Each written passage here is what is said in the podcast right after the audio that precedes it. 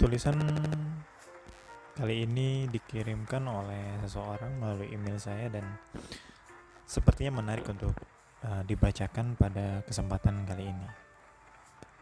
Kita simak bersama-sama. Salam overthinking.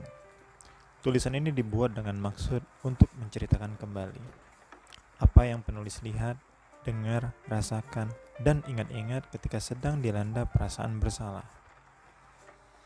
Manusia itu binatang yang dikasih akal budi oleh Tuhan.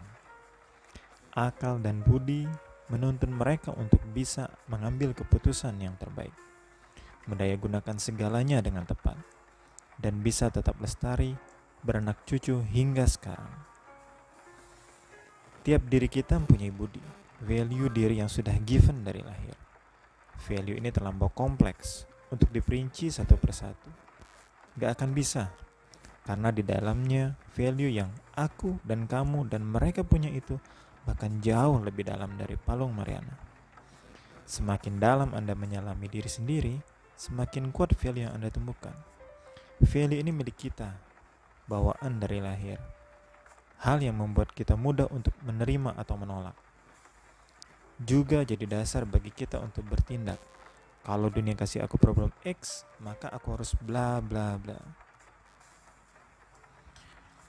Pada sebagian orang, budi dalam diri mereka enggan berbicara keras-keras. Barangkali mereka terlalu banyak mendengarkan, mengamati, dan merasa-rasakan value yang orang-orang lainnya punya. Atau mereka nggak mau percaya dengan suara hati yang terus-terusan memberi sinyal kita untuk melakukan A, B, C, dan seterusnya. Barangkali mereka terpengaruh dengan bisingnya propaganda para psikonarsisis di luar sana.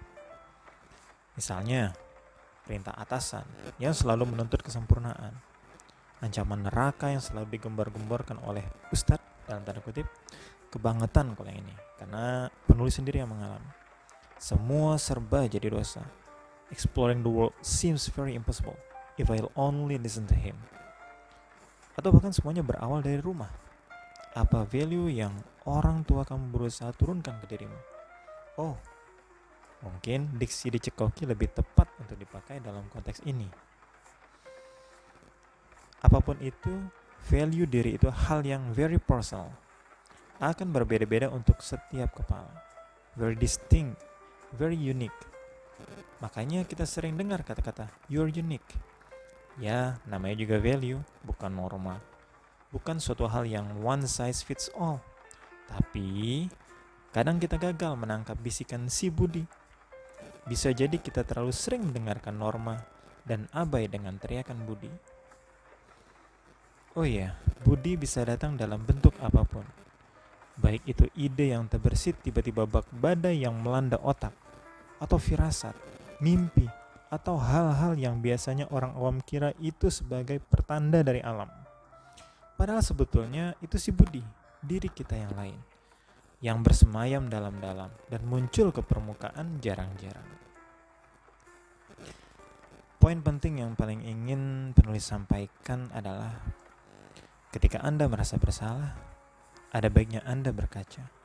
Kenapa persepsi, emosi, dan kegelisahan Anda saat ini bisa Anda definisikan sebagai perasaan bersalah? Kenapa di otak Anda selalu muncul tanda X merah? Yang bikin kalut dan kesal dan berujung kepada rasa sesal. Dan kenapa perasaan yang Anda katakan sebagai perasaan bersalah itu selalu awet, gak lapuk-lapuk? Hmm, mungkin selama ini Anda abai dengan apa kata Budi, sehingga batin Anda terus mengirimkan sinyal-sinyal error, tanda X merah di mana-mana. Ya, karena memang ada sesuatu yang perlu diperbaiki Dengarkan Budi ketika ia berbicara. Pegang personal value. Sesuaikan dengan norma, but not too much. Setiap jiwa itu baik.